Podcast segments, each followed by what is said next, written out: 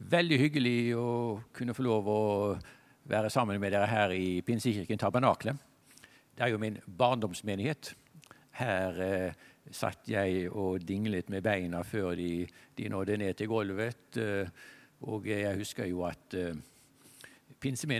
pinsemøter før i tiden de kunne være ganske høylytte og bråkete.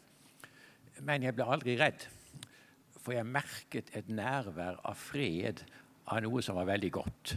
Og senere har jeg skjønt at det hadde noe med Den hellige ånd å gjøre. Det hadde med gudsnærværet å gjøre.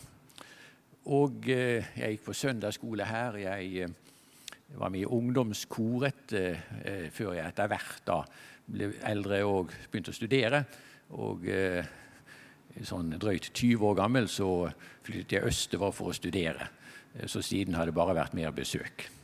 Men veldig hyggelig å være her. Og temaet Åndens gaver det er noe som jeg brenner for. og er egentlig hungrig etter å få oppleve enda mer ut av enn hva jeg har fått lov å gjøre til nå. Og eh, nå nevnte eh, Benjamin her at jeg kanskje ville si litt om min egen reise. Eh, men jeg har tenkt å også spare en del til i morgen eh, for å, å, dele også enda litt mer fra det perspektivet i, i morgen.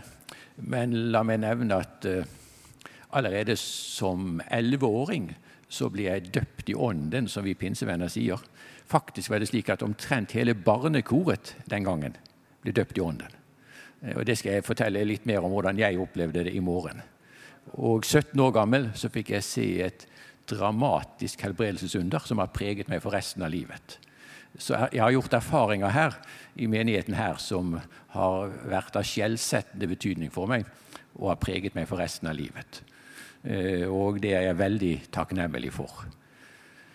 Og nå skal vi altså se mer på dette med åndens gaver.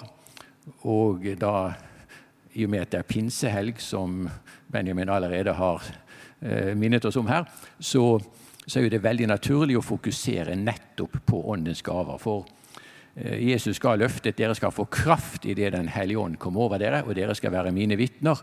Og det handler om utrustning til tjeneste. Og utrustning til tjeneste det handler videre om nettopp det å eh, få motta åndens gaver og få lov å fungere i dem. Så la oss begynne med å lese fra eh, første Korinterbrev. Først kapittel 14. Skal jeg stå et annet sted her? Er det sånn at jeg skjuler skjermen for dere? Ja, men jeg kan flytte meg litt til siden, kanskje. Hvis jeg står rett foran skjermen. Liksom, studenter har stadig klaget på meg at jeg står rett foran skjermen, og det har jeg lært etter hvert at jeg ikke bør gjøre.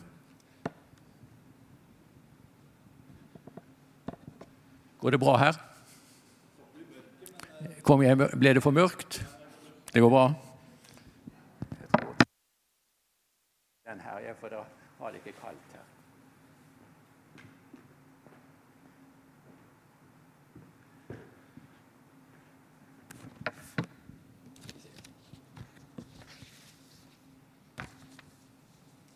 Første Korinterbrev, kapittel 14, vers 1.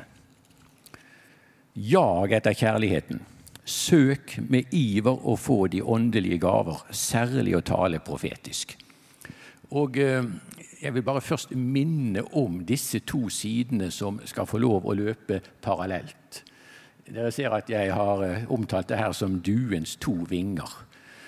Du vet at da Den hellige ånd kom over Jesus da han ble døpt i Jordan, så kom Den hellige ånd over ham i skikkelse av en due. Og en due har to vinger.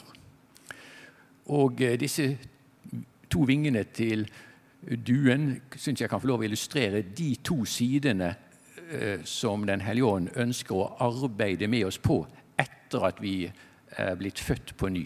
Etter at vi er blitt født på ny ved Den hellige ånd. Og Det ene har å gjøre med helliggjørelse, eller åndens frukt. Åndens frukt er kjærlighet, glede, fred, eh, tålmodighet, selvdisiplin. Eh, og Det er den ene siden. Og Den andre siden er det som har å gjøre med åndens utrustning. Kraft til å tjene åndens gaver på ulike måter.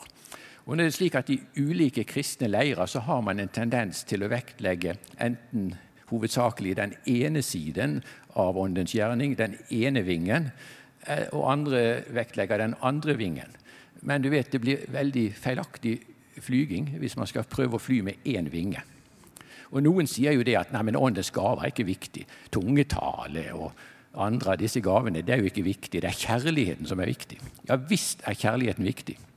Men det er det at åndens gaver trenger vi for å kunne hjelpe mennesker, for å kunne sette mennesker fri, og for å kunne tjene i åndens kraft på en slik måte at mennesker kan se eh, Guds kraft manifestert gjennom tegn og under, og på den måten hjelpes til å komme til tro.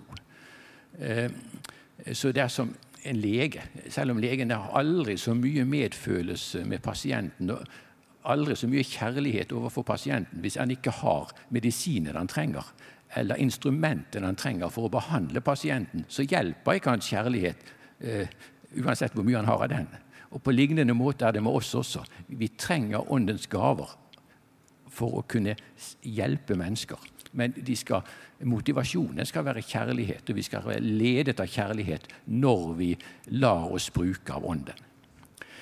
Og eh, så er det dem da som glemmer at eh, det er noe som heter kjærlighet nesten også, og helliggjørelse. Og kanskje er det slik at man har hatt forkynnere som har vært veldig salvet av Den hellige ånd. Og kanskje er det slik at de innviet seg for Herren og ble mektig utrustet av han og brukt av han på sterke måter. Men så etter hvert har man kanskje uh, tatt det lettere med det som heter helliggjørelse, uh, fordi at tingene har flytt så veldig bra. Og så kan det ende i katastrofe fordi at man kommer inn i en livsførsel som bryter med uh, hva Gud vil. Og Gud er jo nådig, så det kanskje går for en stund, men så kan det komme til et punkt hvor det er stopp. Og vi kjenner eh, altfor mange tragiske eh, beretninger om det også. Så Derfor er det veldig viktig for oss når vi nå skal snakke om åndens gaver, å huske på denne balansen. Der åndens frukt og åndens gaver begge, Vi må vokse på begge områder. Vi må fly ikke med én vinge, men med to vinger. Og eh, med det som bakgrunn så ser vi nå på hva Paulus skriver om åndens gaver i 1. Korinterbrev kapittel 12. Og vi leser fra vers 1 og 11 vers utover. Når det gjelder de åndelige gaver, brødre, vil jeg ikke at dere skal være uvitende. Dere vet at mens dere var hedninger, ble dere dratt og revet med til de stumme avguder. Derfor kunngjør jeg dere at ingen som taler i Guds ånd, sier 'forbannet av Jesus', og ingen kan si 'Jesus er Herre' uten i Den hellige ånd. Det er forskjell på nådegaver, men ånden er den samme. Det er forskjell på tjenester, men Herren er den samme. Det er forskjell på kraftige virkninger, men Gud er den samme, Han som virker alt i alle. Men Åndens åpenbarelse blir gitt enhver til det som er ganglig. For til én blir det gitt visdomstale ved Ånden, til en annen kunnskapstale ved den samme ånd, en annen får tro ved den samme ånd, en annen nådegave til å helbrede ved den samme ånd. En annen får kraft til å gjøre undergjerninger, en annen gave til å tale profetisk, en annen gave til å prøve ånder. En annen får ulike slags tunger, en annen tydning av tunger.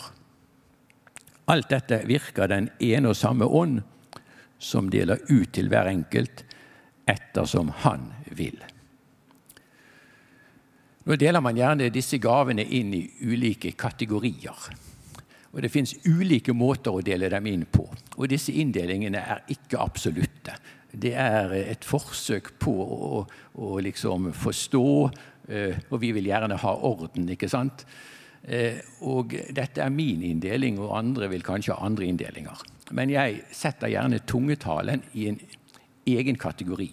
Fordi at det er den gaven som er til egen oppbyggelse, i hvert fall primært. Og som vi bruker i lønnkammeret. Mens de andre gavene er eh, for å tjenestegjøre overfor andre. Så derfor er tungetalen en egen gave. Og I tillegg så har vi det som vi kan kalle for eh, åpenbaringsgaver. Som på en eller annen måte formidler åpenbaring fra Gud. Og Da kan vi tale om visdomstale eller visdomsord. Eh, la meg bare kommentere det, for det kan være litt ulike oversettelser og terminologi her. Men det greske ordet som er brukt her, det er ordet 'logos'.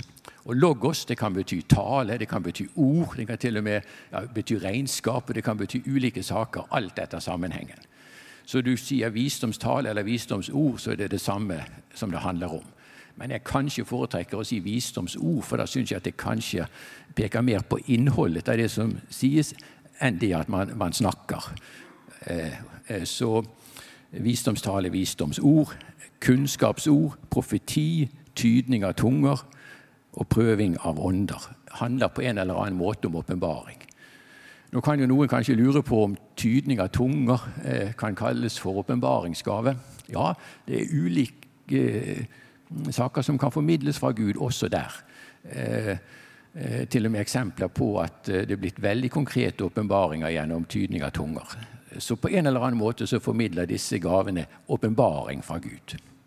Og så har vi den tredje kategorien kraftgaver. Eh, hvor Guds kraft manifesteres kanskje på veldig synlige måter. Og Da kan vi peke på tro, helbredelsers nådegaver og kraft til å gjøre mirakler. Helbredelses nådegaver skal komme tilbake til det. Det står i flertall. Begge ordene står i flertall. Helbredelser står i flertall, og gaver står i flertall. Eh, så dette er de ulike kategoriene vi kan tale om her. Og For nå å, å begynne med dette med tungetale, eh, så er det slik at Paulus forklarer dette ganske grundig, som har med tungetalen å gjøre, i 1. Korinterbrev kapittel 14. Og Bakgrunnen er at eh, de brukte denne gaven flittig i menigheten i Korint, men de brukte den ikke på helt riktig måte. De hadde ikke forstått at tungetalens gave først og fremst var til bruk når du ba alene i ditt lønnkammer, som vi sier. Så de brukte den overdrevent eh, på samlingene når de var samlet sammen. Og Da må han forklare for dem at eh, når, du, når det kommer sammen, så skal dere tale forståelig, og da er det slik at tungetalen skal helst tydes, slik at man kan få oppbyggelse av det. Eh, mens tungetall ellers er for at du selv skal bli oppbygget. Og her eh, forklarer han jo dette eh, veldig tydelig. Så la oss lese i vers 1. kor 14, 2 først. For den som taler med tunger, taler ikke for mennesker, men for Gud. Ingen kan forstå ham, men han taler hemmeligheter i ånden. Ikke for mennesker, men for Gud til Gud. Hemmeligheter i ånden. Hva kan det være for noe? Jo, eh, det kan være at eh, det er eh, ting som vi trenger å be om for et annet menneske som ikke vet om at man trenger forbønn. Eller det kan være en person i en nødsituasjon. Jeg har lest en historie som jeg syns illustrerer dette veldig godt. Det var en kvinne som våknet en natt med en følelse av at hun skulle be. Hun visste ikke hva hun skulle be om, så hun ba i tunger. Hun ba i tunger en hel time. Og Da fikk hun et syn. Hun så en person ligge på gulvet eller bakken eh, som om han var død. Og han var omgitt av mennesker med en annen hudfarge, så hun skjønte at han var misjonær. Og så ser hun i synet hvordan han står opp og synes å være frisk. En tid senere så, møtt, så hun denne personen på eh, en misjonskonferanse. Hun husket han igjen fra synet, men han hadde aldri møtt han ellers i, i livet. Så hun kontakter han og spør om det har hendt eh, ham noe slikt som dette. Ja, det hadde det. Han var ute på et sted på misjonsoppdrag sammen med en venn av seg. Han ble alvorlig syk, han var døende. Vennen hadde dratt av gårde for å se om han kunne skaffe hjelp til ham. I mellomtiden kryper Gud inn og helbreder. Hva er det som skjer? Den hellige ånd ser her er en som trenger forbønn. Så sender Den hellige ånd ut sine signaler. Og eh, eh, en som har antennene oppe og i funksjon, fanger opp signalene, kjenner i sin ånd 'jeg må be', men vet ikke hva hun skal be om, vet, aner ingenting om behovet, men begynner å be i tunger.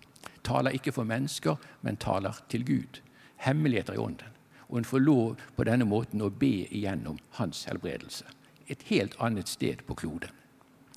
Og jeg har ikke hatt sånne opplevelser som henne. Jeg skulle ønske jeg hadde det. Men vi kan jo lure på, ikke sant, når vi har kjent denne maningen til å be, og, dere som også ber i tunger, hva kan vi ha vært med å be gjennom uten at vi kanskje engang vet om det, fordi at vi fulgte denne maningen eh, til å be. Så tungetalen kan bli brukt i forbønn for andre. Eh, kanskje vi ikke vet hvem vi ber for engang. Eh, eller vi kanskje aner hvem det er, eller vet hvem det er, men vet ikke hva behovet er. I andre situasjoner så vet vi hva behovet er, men vi vet ikke hvordan vi skal be. For å be riktig. Eller så kan det gjelde oss selv og vår egen situasjon. Eh, det kan gjelde ting vi står oppi, det kan være ting som ligger foran oss som vi kanskje ikke engang aner. Jeg husker det var en pastor i Kongo.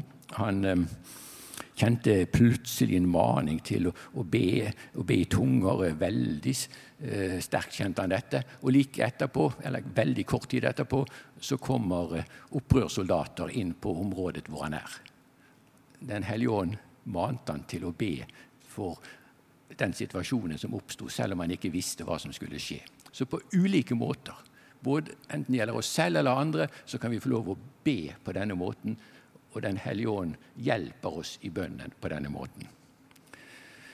Og eh, videre i vers 4 eh, så skriver Paulus den som taler med tunger, oppbygger seg selv. Og det å oppbygge seg selv, hva er det for noe? Eh, en måte å beskrive det på er eh, ved at man bygger, ikke sant? så man bygger en mur eller bygger et hus. Men et bilde som er veldig Eh, talen i vår egen tid, i vår kultur, det er bildet med å lade batteriene. Jeg ser jo det at mange av dere, dere mange, nesten alle av dere, kanskje alle har mobiltelefon. Og Det er jo en fantastisk oppfinnelse, men det er et problem at etter hvert så slutter den å virke. Og hva er behovet og problemet? Jo, den må lades. Og Vi taler gjerne ofte sant, om at vi må, trenger å lade våre batterier. Og sånn også med våre åndelige batterier. De trenger å lades. Og nå har Den hellige ånd eh, og Gud gitt oss et sånn hovedladesystem. Eh, jeg husker eh, min kone og jeg for mange år siden, en av de gangene vi var, vi var i Israel, så hadde vi kjørt bilen til København og parkert på flyplassen på Kastrup. Og vi var borte i to uker. Og da vi kom tilbake og skulle starte bilen, så var den helt død. Totalt død. Nå fant vi ut etterpå at det var pga. en leselampe som hadde stått på i bilen i to uker, og det var nok til å drenere batteriet. Men nå eh, var ikke dette første gangen dette hadde hendt eh, på den parkeringsplassen. Det var en bensinstasjon der, så vi gikk og ba om hjelp. Og de hadde ladeutstyr, så de bare rullet noe ladeutstyr til bilen vår. Og så var det fra dette eh, apparatet deres to kabler med en plugg i hver ende, og så satte de den ene pluggen på den negative polen på batteriet og den andre på den positive polen på batteriet, og så var det bare å starte bil og kjøre, og så ladet bilen etter hvert som vi, vi kjørte. Og jeg sier Gud har gitt oss ladeutstyr og to kabler, Bibel og bønn. Det er garantert resultat. Bibel og bønn det fører til at vi lades. Men så har Gud også gitt oss en sånn spesiallader tungetalen. Hvor vi får lov å be i ånden. Hvor vi får lov å be ut fra vår ånd. Og ikke engang kanskje forstår vi vårt eget behov. Og vi kanskje ikke engang vet vi, hvordan vi skal formulere vår bønn. Men vi kjenner noe i vår hjerte, i vår ånd, og vi ønsker å uttrykke dette til Gud. Og Da kan vi få lov ved ånden å få lov å be i tunger. Og Den hellige ånd hjelper oss i bønnen og hjelper oss til å uttrykke dette som vi ønsker å formulere til Gud, sånn at eh, vi opplever på denne måten at vi blir ladet på nytt. Opplever gudsnærværet. Og En annen måte å beskrive det på, nok en gang i bilder Her inne i rommet nå er det radiosignaler. Vi kan ikke se dem, vi kan ikke høre dem, men vi vet at det er her. Det er bare å eh, få en radio på, og så hører vi eh, hva som sies på radioen. Og nå er ikke engang nok bare å ha en radio og slå den på. Vi må være på riktig stasjon, eller riktig frekvens, riktig bølgelengde. Og Nå vet jeg ikke hvordan det er med dere, men jeg sliter fortsatt jeg med å oppfange signalene fra Gud. Det å være på Den hellige ånds bølgelengde. Men her er tungetalen også til hjelp for oss, som hjelper oss til å søke til å finne riktig bølgelengde, komme på riktig stasjon, bli følsom. Vi får lov å be Ånden og på denne måten søke oss inn på Den hellige ånds bølgelengde for å oppfatte signalet fra Han. Så på denne måten kan vi si at det illustreres dette at vi blir oppbygget av å be i Den hellige ånd. Nå er det også sånn at i tillegg til denne måten å be på, så kan man også unntaksvis høre at budskap blir talt ut på forståelige språk. Kanskje ikke for den som eh, taler, men for den som hører. Eller hvis det er tungetale, vil jo den som taler i tunga, ikke forstå hva som sies, men den som hører, vil forstå. Eh, det er en rekke historier som kan fortelles om dette. En av dem er fra Susa Street, helt i starten av pinsevekkelsen, hvor eh, en journalist fra en av avisene eh, kom for å skrive en artikkel. Og en ganske latterliggjørende artikkel var det nok planlagt om disse eh, sirkusaktige møtene i denne stallen der i Azusa Street. Men når journalisten kommer inn, så er det en dame som står opp og taler til ham i tunger på hans morsmål. Det var ikke engelsk. Og hun fortalte detaljer fra hans liv som intet menneske kunne vite noe om. Slik talte Den hellige ånd direkte til han. Og eh, det førte nok til at det ble en helt annen artikkel enn planlagt. Og Jeg kjenner personlige mennesker som har opplevd dette, men den historien skal jeg spare til i morgen. For å ikke fortelle alt her i dag, for da må jeg liksom Ja. Eh, noe med å ikke si ting to ganger. Og eh, tydning av tunger er jo da det som Paulus forklarer bør skje når eh, eh, man bringer fram budskap i en forsamling. Eh, men jeg vil jo si at eh, man må være litt sånn fleksibel her, altså.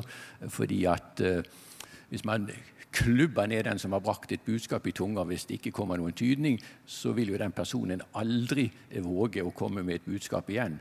Så vi, vi må heller se det slik at vi må uh, se det som et bønneemne uh, hvis uh, tydning ikke kommer, at vi også kan be fram tydningens gave. Og ikke være for rask med og for firkantet med hvordan vi praktiserer disse anvisningene som Paulus kommer med.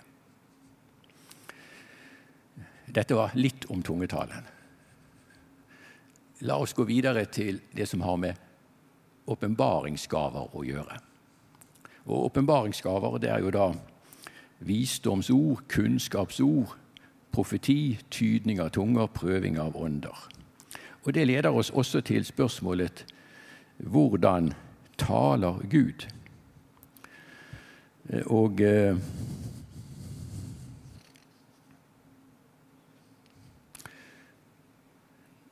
Har du fått det opp her? Eh, bare ta tilbake den plansjen forrige først. Hvordan taler Gud? Før vi går inn på litt mer konkret disse åpenbaringsgavene, så la oss uh, si litt om hvordan taler Gud. Uh, først og fremst så taler han jo gjennom Skriften, gjennom Bibelen. Og alt som sies, det må prøves på Skriften. Og Hvis det ikke stemmer med Skriften, så kan vi uten videre uh, forkaste det. Dernest så taler Gud gjennom det at vi opplever fred og ufred, tror jeg vi kan si. Kjenner vi igjen det vi fornemmer, det vi hører, som den gode hyrdens røst? Eller er det noe som skurrer? Er det en annen røst vi hører? Vi kanskje ikke kan si helt eksakt hva det er for noe, men, men, det er noe som er galt, kanskje vi opplever, uten at vi kanskje kan sette fingeren på det. Og Hvis vi opplever det slik, da trenger vi å, å be mer over dette for å få klarhet i, i, i, hva det handler om. Det har med åndens ledelse å gjøre. Og åndens stemme, enten vi opplever å bli ledet til å si og gjøre ting, eller vi opplever det at vi skal formidle noe fra Herren gjennom dette vi kaller åndens gaver, så er det den samme Gud som taler, og det er det samme som de samme trekk som karakteriserer eh, det vi opplever eh, som en, en, tiltale fra Gud. Og eh, eh dette kan komme som tanker, og det er vel det mest vanlige, at vi får en tanke. Og så er det som at vi kan fornemme at dette skal vi si frem. Og eh, sikkert mange av dere som kjenner igjen dette, f.eks. For i forbindelse med tungetale og tydning. Skal jeg bringe fram dette? Er det Herren som nå gir meg noe som jeg skal gi videre til forsamlingen, eller er det bare meg selv? Og Man kjenner denne kampen inni seg. Og det er dette med å fornemme at jo, jeg kjenner en maning. Det er, noe som sier meg eh, dette skal du si. Og Så kan det bli en kamp og kanskje ufred på den måten, men likevel er det noe dypere i det hele som gjør at du fornemmer at, at det er faktisk den gode hyrden eh, som står bak og, og maner deg til å si fram dette. Og Det kan være en tydning, det kan være en profeti, eller det kan også være det vi kaller for et kunnskapsord, eller et visdomsord. Eh, det kan komme som tanker. Så kan det også komme som eh, bilder, mentale bilder. Og eh, når vi sier det, så mener vi ikke et syn, for et syn er mye sterkere. Nå har jeg aldri, må jeg bekjenne for dere, hatt et syn. Eh, jeg eh, skulle gjerne ha opplevd det, og jeg lytter med stor interesse på de som har opplevd det. Men på en svakere måte. Hvis jeg nå sier ordet eple, så ser dere for dere et eple i deres sinn. ikke sant? Og På den måten kan Gud også tale ved at han gir et bilde, et mentalt bilde, som vil si oss noe i denne situasjonen. Og som vi også skal være åpen for eh, at han, dette vil si oss noe. Eh, og eh, så er det jo de mer sterke måtene eh, som Gud også taler på. Gjennom syner, gjennom hørbar røst osv. Slik som vi også ser det beskrevet i Skriften. Men jeg tror at det er viktig å betone at og jeg må faktisk si det også til meg selv at hvis jeg venter at før jeg tror at Gud kan ha sagt noe som helst til meg, så må det være i form av et veldig sterkt syn, hvor jeg er på en måte bortrykket i ånden, og kanskje også hører Guds stemme som en hørbar røst. Og Hvis jeg vil vente på det, så, så kanskje jeg venter hele livet. Faktisk er det sånn at det mest normale, det er at Gud taler i den stille susen. Og denne hvisking ved ånden. Bare det at vi kan følge disse signalene, som kanskje er så svake, de kan bety kolossalt mye og få veldig store resultater. Jeg lærte det en gang. Det var når jeg var helt i begynnelsen av den perioden jeg var på Hedmarktoppen folkehøgskole. Og Da ledet jeg et bønnemøte. Eh, eh, og det var et veldig sterkt gudsnærvær på det bønnemøtet. Og Jeg sto og så utover de som var der. Og så var det at jeg fikk bare den tanken. Gå og snakk med hun som sitter innerst i hjørnet. Og det var veldig mye eh, mange der det var fullt. Det var vanskelig for meg å komme til henne. Men den tanken var så svak. Det hadde vært så lett å bare vifte den bort. Hvorfor skulle jeg gjøre det? Og i hvert fall ikke nå. Jeg kan jo gjøre det senere. Men av en eller annen grunn så gikk jeg ned til henne. Jeg måtte faktisk trekke fram bordet for å komme til henne. Og Etterpå så forteller hun meg at hun hadde sittet der og bedt. Gud, hvis du fins, så send Øyvind ned til meg, og la han snakke med meg. Og Jeg tenkte etterpå du verden. Kunne virkelig den svake tanken være fra Den hellige ånd på den måten der? Eh, og Nå ba hun på den måten fordi hun hadde opplevd veldig traumatiske ting i livet og hadde vanskelig for å stole på Gud.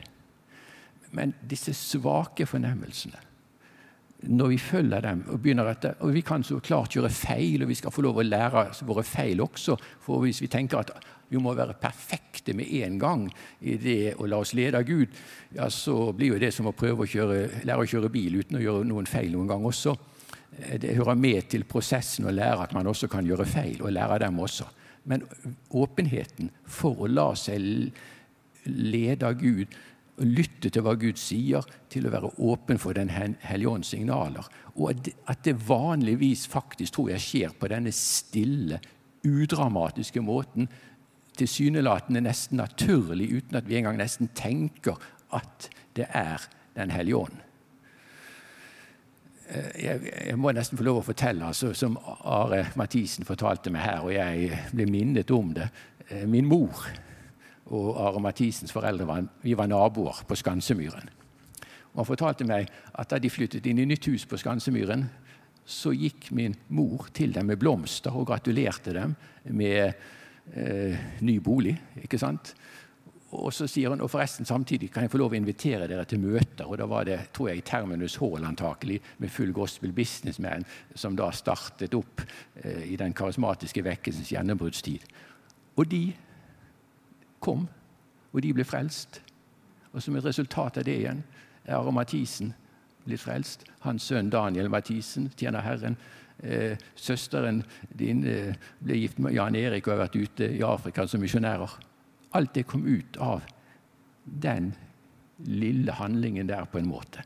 Sannsynligvis kjente min mor en maning til å gå med blomster og gratulere dem. Og invitere dem på møte. Tenk hva en sånn enkel handling kan føre til av resultater. Så det er noe her med at, at vi trenger å la oss lede av Den hellige ånd på en naturlig måte, og samtidig være åpen for disse signalene. Og sånn er det når, også med Åndens gaver når det gjelder det som har med visdomsord og kunnskapsord osv. å gjøre. Eh, la oss gå videre nå. Kunnskapsord.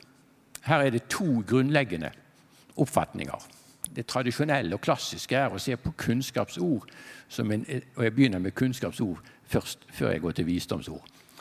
Eh, kunnskapsord en, en, oppfatning er at det går på en mer læremessig innsikt i, i Skriften, og hva Skriften sier, eh, som så kan knyttes igjen til eh, disse tjenestegavene som er nevnt i Efeserbrevet 4.11, hvor det står om Gud ga oss noen til apostler, noen til profeter, noen til evangelister, noen til hyrder og lærere. Så har det i, spesielt i den karismatiske eh, bevegelsens eh, tid vokst fram en annen forståelse av eh, kunnskapsord, som handler om det at det er en profetisk innsikt i det som har med fortid og nåtid å gjøre, mens profetisk tale mer handler om det som går på fremtiden. Jeg behøver ikke synes vi, å sette disse to forståelsene opp mot hverandre og skape en diskusjon om er det den ene eller andre forståelsen som er riktig. For det er Den hellige ånd som virker uansett. Og vi forsøker å sette navn på disse måtene som Den hellige ånd virker på, men det er Den hellige ånd som virker og gir innsikten. Og dette med kunnskapsord, det kan eh, komme på ulike måter. Gjennom tanker gjennom eh, mentale bilder, gjennom syner, hørbar røst. Og jeg har, eh, jeg har noen navn her eh, på, på skjermen. Eh, la meg bare kort nevne Ken Wright. Han eh, var en profet fra New Zealand som virket mye ungdom i oppdrag. og Han eh, fungerte veldig sterkt i dette med kunnskapsord, bl.a. hvor han kunne fortelle detaljert om ting som hadde hendt mennesker i livet. Ikke for å henge dem ut, men for å eh, hjelpe, for å bringe legedom osv. Og, og eh, likeledes Ian Andrews, han har vel også vært på besøk her. Sterk helbredelsestjeneste. Kunnskapsord i forbindelse med, med, med eh, helbredelse. La meg fortelle to historier for å illustrere. Og for å sette det opp som motsetninger fra Inendrus. Han eh, fikk en gang på et, et, møte fortalt han et kunnskapsord om at eh, det var en til stede som hadde en kul eh, nederst på ryggen over halevirvelen. Ingen ga seg til kjenne. Så ba han Den hellige ånd om å vise han mer. Jo, dette fortalte han hendte eh, for syv år siden. Da du, og du er 21 år nå. Eh, da du falt av hesten, og hesten sparket deg. Ingen ga seg til kjenne. Så ba han om hvor mye er det mulig å få, lurte han på. Så ba han om å få mer. Jo, hesten så ut slik og slik, beskriver han hesten. Ingen ga seg til kjenne. Så ba han om å få mer. Hestens navn var, sa han, og sa navnet på hesten. Ingen ga seg til kjenne. Noen uker senere får han brev fra pastoren i menigheten der som eh, sier at det kom en kvinne til hans kontor, 21 år gammel, som hadde falt av hesten syv år tidligere. og Hesten hadde sparket henne, og hun hadde fått en kul over halevirvelen. Men hun ga, kjenne, hun ga, seg ikke til kjenne, for hun var ikke sikker på om det gjaldt henne, for hun husket ikke navnet på hesten. Ja, hvor mye skal til før vi våger å tro at det kan være meg? Men den samme Inendrus fikk en annen gang et annet kunnskapsord. Og hva var kunnskapsordet? Torsdag. Ukedagen torsdag. Eh, og han, han, han, gjorde liksom eh, Han spøkte med det selv da han fortalte dette, at den store Guds profet hadde fått en åpenbaring fra Gud. Eh, og Hva var åpenbaringen? Jo, ukedagen torsdag. Det er vel stor fare for at Hvis du hadde stått opp og sagt i en menighet at jeg har fått en åpenbaring fra Herren, hva er åpenbaringen torsdag? Så hadde pastoren bedt deg å sette deg ned igjen. Eller tenkt at han må gi rådgivning. Men så fikk han liksom videre, når han hadde sagt dette, tanken Kanskje er det slik at du ble syk på en torsdag? Eller var til legen på torsdag? Eller skal til legen på torsdag? Mange kom frem. Gud begynte å helbrede. Enten var de blitt syke på en torsdag, hadde vært til legen på en torsdag, eller skulle til legen på en torsdag. Og Dette illustrerer for meg dette som vi ofte opplever. dette på mange måter ufullkomne, vage, men likevel Gud ønsker å si noe gjennom det. Eh, Randy Clark, det var jo han som eh, ble brukt av Gud som plogspiss når det gjaldt dette som vi kaller for Toronto-fornyelsen på begynnelsen av 1990-tallet. Vi hadde besøk av ham på Høgskolen for ledelse og teologi, HLT, i 2009. Og vi hadde også møter. Det var i Philadelphia og Oslo. Og Han underviste om dette med kunnskapsord. Og så inviterte han dem som aldri hadde kommet med noe kunnskapsord før, om å komme frem og, og bringe det. Og jeg var helt overveldet. Det var kanskje rundt 40-tall som kom frem, mange av dem unge. Og det stemte alt sammen. Men så var det én sak som syntes å være veldig merkverdig. Det var en som så for seg en bassgitar og noen grønne blader. Og det hørtes jo ganske sånn eh, på siden ut, altså. Men så sier Vrendi klar kanskje det er det at Gud ønsker å si noe til en ungdom her, grønne blader, som spiller bassgitar. Så var det faktisk en som ga seg til kjenne da også. Dette med mentale bilder før vi skal ta pause, eh, for vi skal liksom ta sånn litt skoletimer her. og eh, Nå har ikke jeg fått navnet opp der, men Francis McNutt. eh, katolsk karismatiker.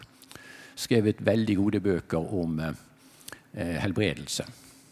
Han forteller de, Han og en medhjelper av han, en kvinnelig medhjelper, ba for en misjonær i Sør-Amerika og Denne misjonæren led av en form for depresjon. Ikke alvorlig, men eh, nok til at hun opplevde livet gledesløst. Det var grått. Og Første dagen de ba for henne, så skjedde ingenting. Neste dag ba de for henne igjen. Og da sier denne kvinnelige med, medhjelperen der Jeg ser for meg et bilde. Jeg ser for meg, Og det er et mentalt bilde. ikke sant? Det er ikke et syn, men et mentalt bilde. Jeg ser for meg Eh, en jente rundt ti år gammel med en hund i armene. Sier det bildet deg noe? Ja, det gjorde det. Da hun var på den alderen, hadde hun en hund som hun var så glad i. Men så var hunden blitt så gammel at foreldrene brakte den til dyrebeskyttelsen, for den skulle avlives. Og Da opplevde hun en så sterk sorg over å miste hunden at hun bestemte seg for å aldri mer bli så glad i noen. For hun ville ikke oppleve en slik sorg og smerte på nytt. Men hva skjedde? Hun holdt avstand, ikke sant? Vi, vi, må, vi er avhengige, vi mennesker, av relasjoner, av kjærlighet. Og hun skadet seg selv gjennom denne måten å tenke på. Hun hadde selv glemt det, men det lå under. Der var roten. Og på denne vare, enkle måten så kommer altså Den hellige ånd og gir denne forbederen et slikt bilde av at hun ser i sitt sinn en, en, en jente på ti år med en hund i armene. Der er problemet. Tenk hvilken mesterpsykolog Den hellige ånd er. Og hvordan vi på slike måter, på slike naturlige måter kan få lov å bli brukt av Den hellige ånd til å bringe legedom til mennesker. Så det er noe med at vi tillater oss å bli åpne for Den hellige ånds impulser. Og, og det er også en ting som er veldig viktig å betone der. Vi må ikke si 'sånn er det'. Vi kan få en tanke, ikke sant? Så kan vi spørre 'jeg fikk denne tanken', eller 'jeg ser dette for meg'. Sier dette deg noe? Stemmer det? La oss være ydmyke. Vi kan ta feil. Vi må ikke påstå at sånn er det, men vi kan spørre er det noe her. ikke sant? Og gi videre det vi opplever.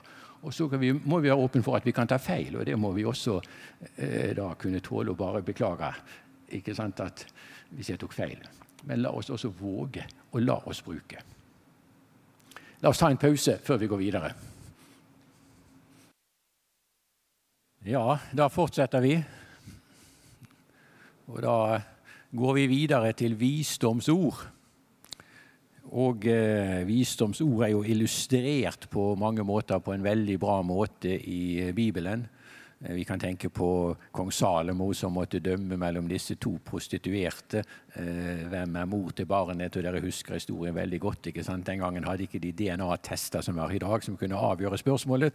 Så hans salamoniske dom hugg barnet i to. Dere husker hvordan det løste saken. Eh, går vi videre til Det nye testamentet, så har vi f.eks. historien eh, om hvordan eh, de kommer og spør Jesus er det rett å betale skatt til keiseren eller ikke.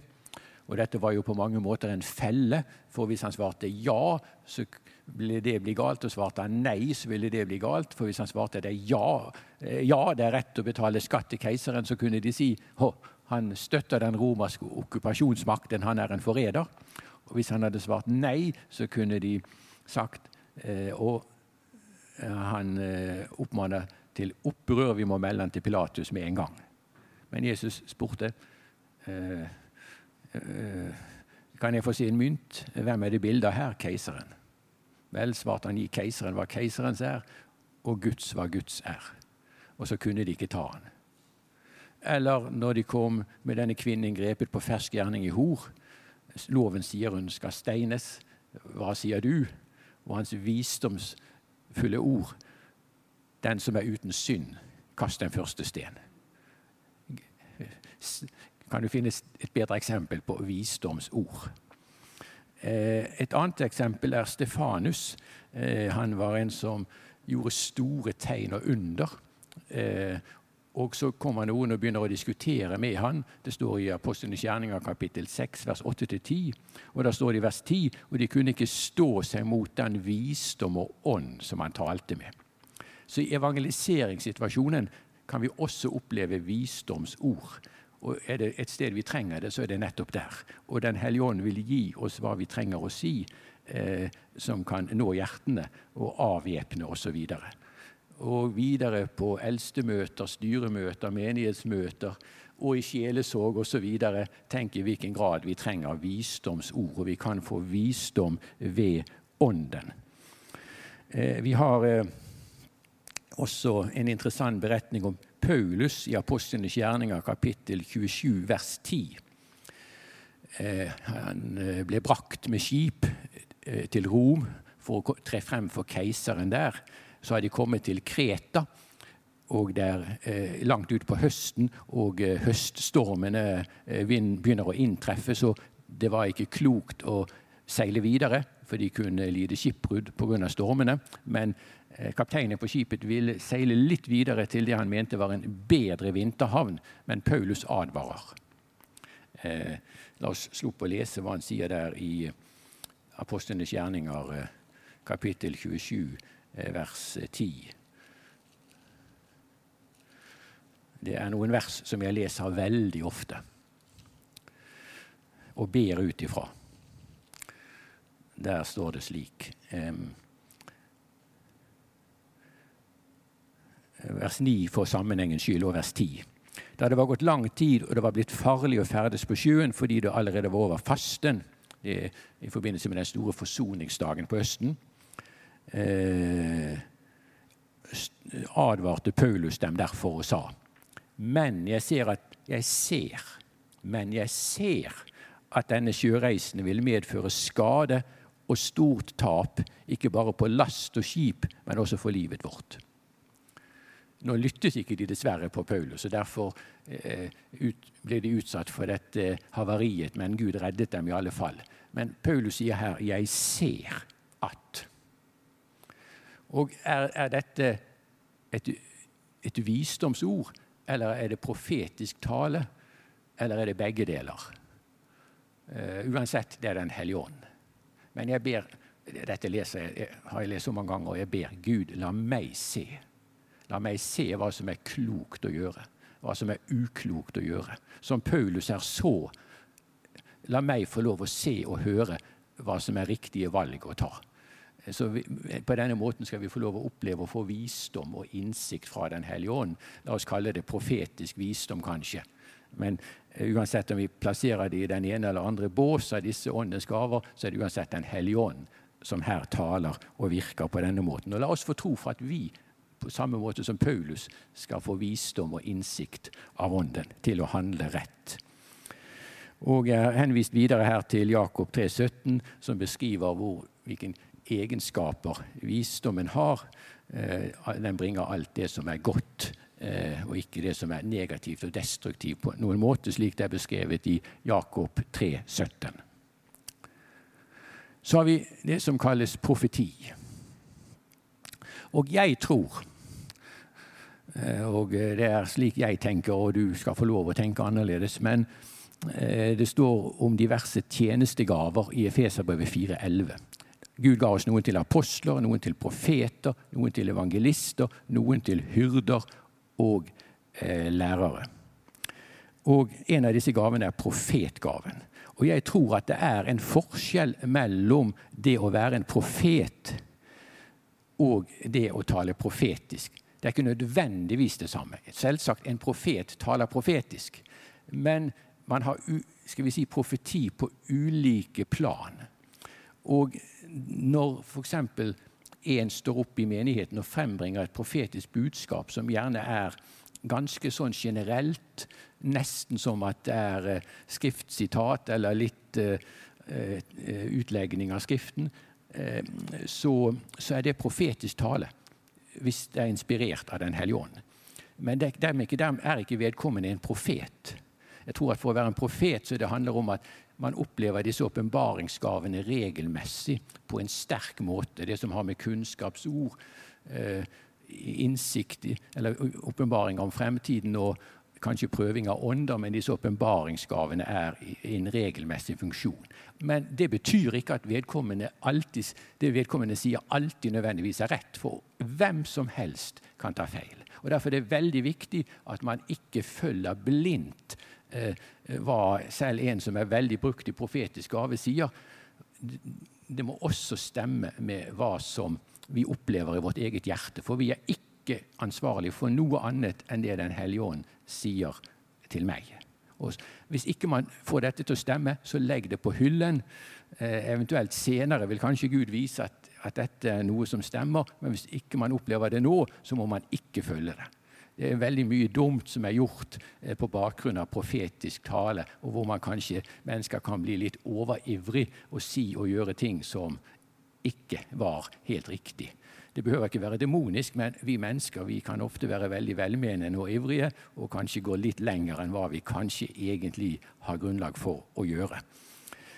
Og Vi har jo et interessant eksempel på en eh, profet eh, i Apostlenes gjerninger, nemlig Agabus, som illustrerer dette for oss. Men før jeg går til det, så la meg bare helt kort si også litt om, dette med den generelle profeti, eh, som den vi kanskje er mest vant til med profetiske budskap av en mer sånn generell art. Vi skal ikke forakte det heller. For det kan være at det er mennesker til stede som trenger å høre akkurat de ordene. Kanskje talte ikke det til meg, men det kan være én, kanskje bare én, som trengte å høre akkurat de ordene der. Og inspirert av Den hellige ånd får vedkommende bringe dette budskapet. Og det taler til en som trenger den oppmuntringen eller den advarselen eller hva det nå skulle være. Men samtidig så sier Paulus veldig tydelig eh, i 1. Tessalonika-brev kapittel 5 på slutten der Forakt ikke profetisk tale. Prøv alt. Hold fast på det gode. Og Derfor må vi teste om det er i overensstemmelse med Skriften. Det er første punkt.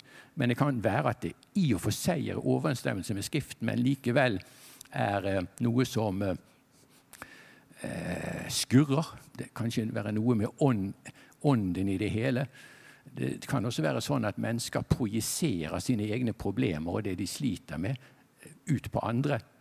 Så for å teste så må vi også ha et riktig gudsbilde. Dette med at Gud er vår far, er det den gode hyrdens røst som taler? Eller er det noe lovisk eller fordømmende som ikke kommer fra Gud? Eventuelt motsatt, at det er en lovløshetens ånd. Altså, Her må man teste og, og prøve. Og nå tror jeg nok det at som pastor så må man være litt eh, skal vi si, Her trengs mye visdom også. Dette er bare litt refleksjon, Benjamin. Eh, at man må ikke slå ned på for hardt eh, hvis ikke det er grunnlag for det. Kanskje heller snakke med vedkommende etterpå, ikke henge ut vedkommende offentlig. Mens ved andre anledninger så kan det være at det er så galt at man må si fra offentlig. Så det blir en sånn skjønnsspørsmål hvordan man skal takle eh, det hvis man ikke opplever at dette er riktig. Det kan være menneskets ånd som er ivrig. I noen tilfeller kan det være demonisk. Men her kommer jo dette med å prøve ånder også inn i bildet. Men tilbake til eh, dette med Agabus. Eh, han eh, profeterte, slik det står i Apostlenes gjerninger 11, vers 27-30, om en hungersnød som skulle komme over hele jorden. Og jeg, har lurt på når jeg leste det der, Kom den hungersnøden? Hvordan var det? Så I forbindelse med at jeg skulle undervise om apostlenes gjerninger for en tid tilbake, så så gikk jeg inn og, um, og, så nærmere på dette. Så jeg har tatt dette med her på denne powerpointen. At uh, under keiser Claudius, som regjerte fra år 41 til 54, så kom det flere tørkeperioder under hans regjeringstid. Og det var som et resultat av det dårlige avlinger og knapphet med mat. Og dette hendte både i Rom, i Hellas, i Egypt og Judea. Det var faktisk der to perioder eh, i Rom eh, av denne tørk, eh, dette med eh, matmangel, og går videre til neste powerpoint. Og Historieskriveren Suetonus skriver at Claudius' regjeringstid var preget av lengre tørkeperioder. Judea led sterkt av hungersnød i perioden 45-48 etter Kristus. Og Helena av Adiabene hun var både dronning og mor i et rike i Irak med Arbela, tilsvarer Abil, som hovedstad. Hun hadde gått over til jødedommen og hun kjøpte korn fra Alexandria og fika fra Kypros for utdeling i Jerusalem. Og Hun flyttet senere til Jerusalem selv. Og Sønnen Itzates sendte en stor sum penger til myndighetene i Jerusalem for å hjelpe. Så dette som Agabus profeterte, stemte virkelig og i oppfyllelse, slik som han sa. Så har vi den andre beretningen, hvis du går tilbake til forrige powerpoint, eh, i kapittel 21, hvor han profeterer når Paulus er på vei tilbake til eh, Jerusalem, at om han kommer til Jerusalem, så skal han bindes der. Og Da begynner jo de andre som er til stede, å bønnfalle Paulus om at han ikke må reise til Jerusalem. Men det Agabus profeterer, er ikke nytt for Paulus. Dette har Den hellige ånd allerede åpenbart for ham. Så har vi en illustrasjon på det at Agabus profeterer helt korrekt. Men profetien er ikke fullstendig og folk misoppfatter, misforstår profetien. Og Paulus må korrigere dem. Paulus vet allerede dette selv. Og eh, han vet at det er Guds vilje at han skal arresteres i Jerusalem, for så å kunne komme fram for keiseren. Eh, men dette forstår ikke de andre. Og Der har vi nettopp den situasjonen at en profeti kan være riktig, men samtidig kanskje ikke helt fullstendig, den kan misforstås osv. Og Dette igjen illustrerer det som jeg var inne på her litt tidligere, at vi må ikke følge en profeti blindt. Profeti kan ofte komme inn som en bekreftelse i mange tilfeller. F.eks. om noen sliter med å kjempe med et misjonskall. Og Da kan en profetisk hilsen komme som en bekreftelse. Men da vet du allerede at uh, at dette er noe som Gud har talt til deg om. Men hvis noen helt ut av det blå forteller at du nå skal reise til Svalbard og virke der oppe som evangelist, eh, så kan ikke du bare gjøre det uten videre. Du må vite ikke sant, med deg selv at dette har Gud talt til deg om.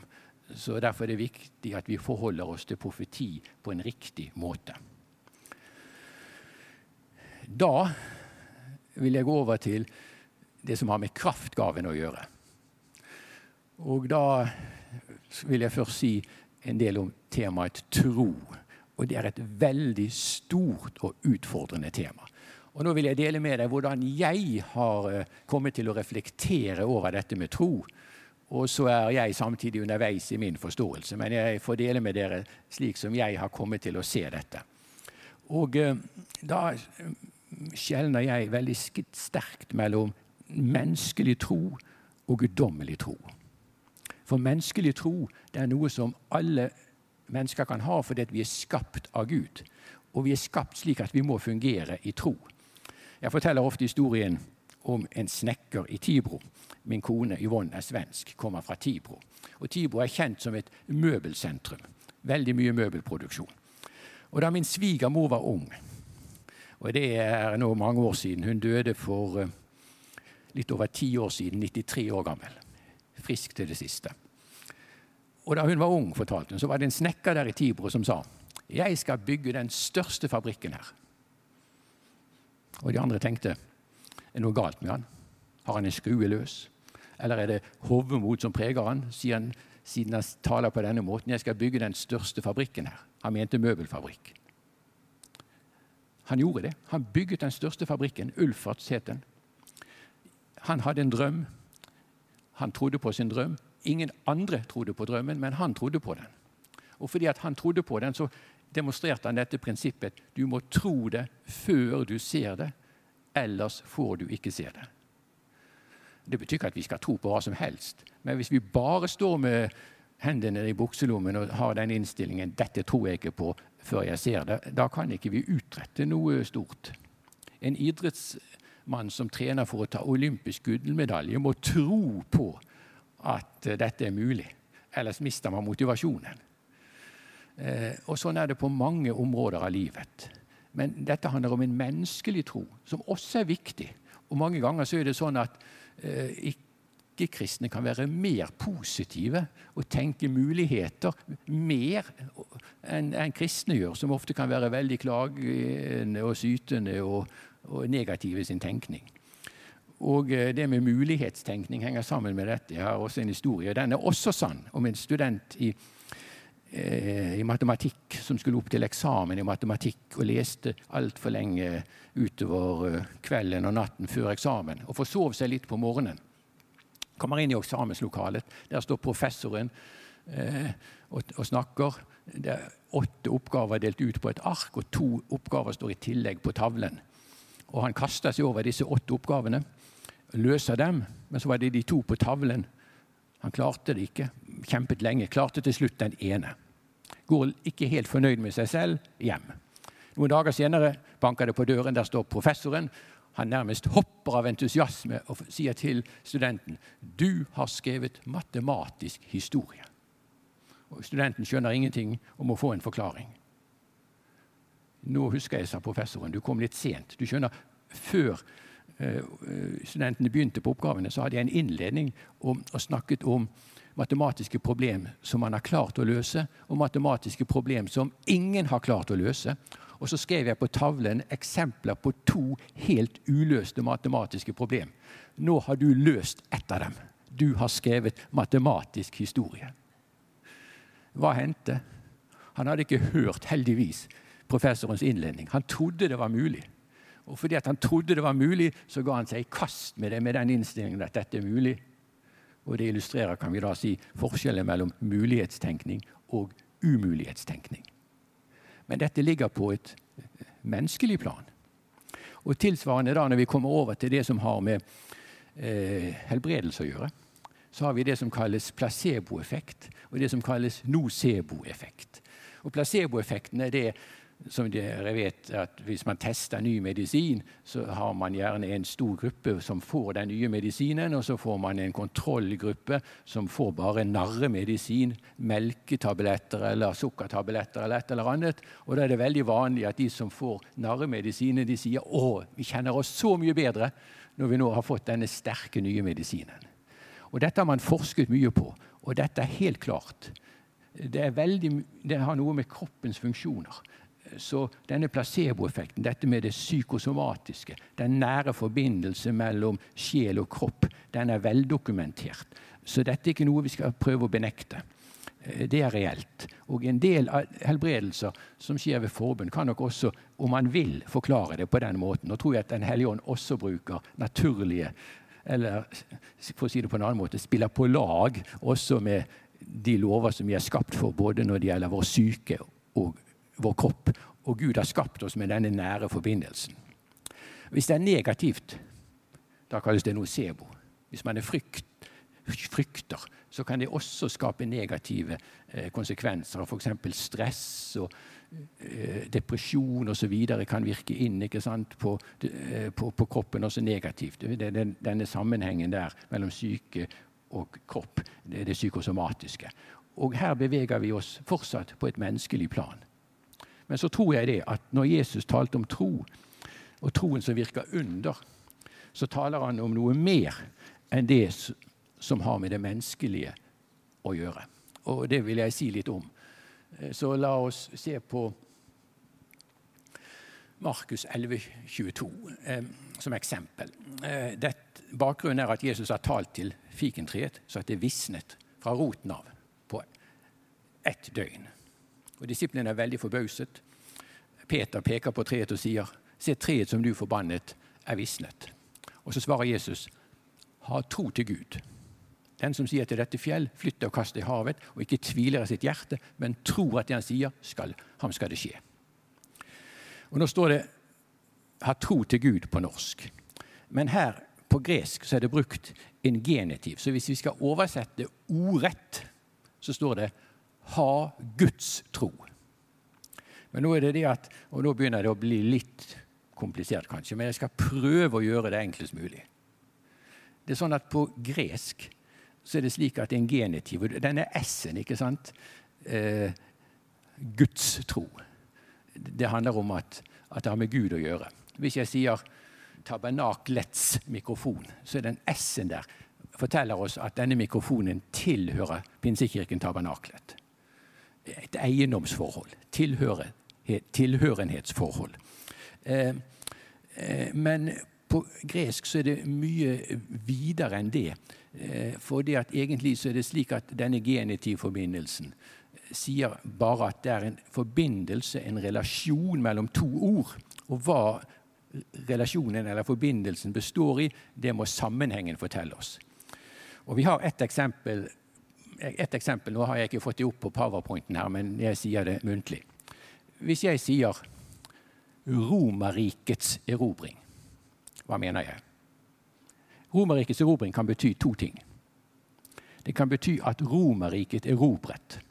F.eks. år 70 etter Kristus, Kristus gjenerobret Romerriket Jerusalem etter at de hadde gjort opprør mot, romer, mot romerne. Romerriket erobret. Romerrikets erobring.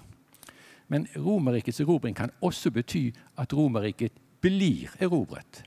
Og det skjedde på 400-tallet etter Kristus. Da stammer fra nord erobret byen Rom. Så Romerrikets erobring kan bety både at Romerriket erobrer, eller at Romerriket blir erobret. Så Vi må altså kjenne sammenhengen for å kunne avgjøre hva det betyr.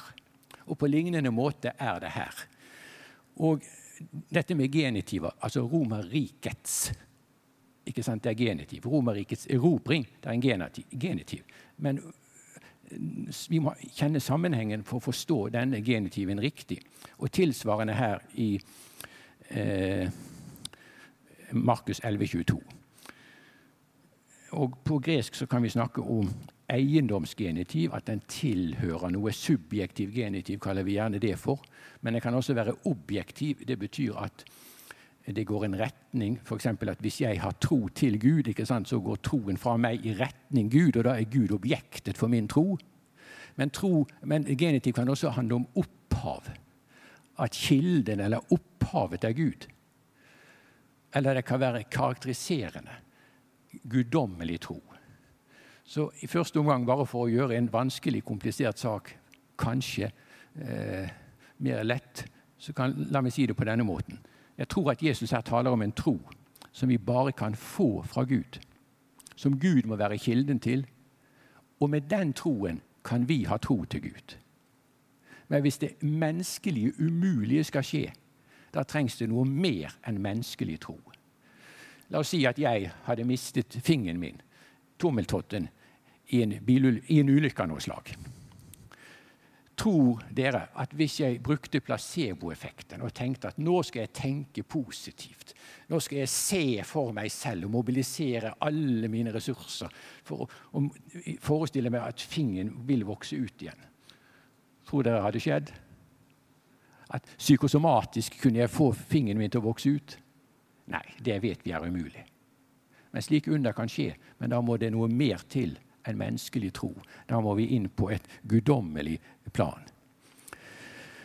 Og eh, nå har jeg det her, disse ordene som jeg brukte. Å tro det er en sammenheng mellom tro og Gud. Heter, tro heter pistis på gresk, og Gud heter theos, og i genetid blir det feu. Dette tror jeg er lettere å forstå hvis vi bruker kjærlighet som eksempel. Vi vet at vi skal elske Gud og vår neste som oss selv. 1. Eh, Johannes 4, 19, Vi elsker fordi Han elsket oss først. Men hvis vi skal være ærlige, er det så veldig lett det der med å elske når det kommer til stykket. Eh, eh, vi vet jo at åndens frukt er kjærlighet. Men hva er det åndens frukt er? Eller for å si det på en annen måte, hva er kilden til denne kjærligheten? Jo, ånden. Åndens frukt er kjærlighet.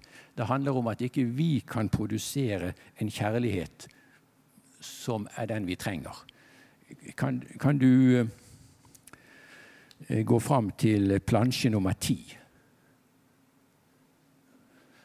La meg fortelle en historie for å illustrere. Corrie ten Boom og hennes far og søster skjulte jøder under annen verdenskrig. Dette er en berømt historie skrevet i boken 'Skjulestedet', som også er gjort til film. Så var det noen som forrådte dem. Så nazistene kom trampende inn. De tok jødene. De sendte Corris far til en konsentrasjonsleir. De så ham aldri igjen. Corrie og hennes søster, jeg tror hun het Betzy, eh, ble sendt til en annen konsentrasjonsleir. Der døde hennes søster. Etter krigen, som Corrie overlevde, så begynte hun å reise som forkynner. Og etter et møte i Tyskland, da møtet er ferdig, så ser hun en mann nærme seg.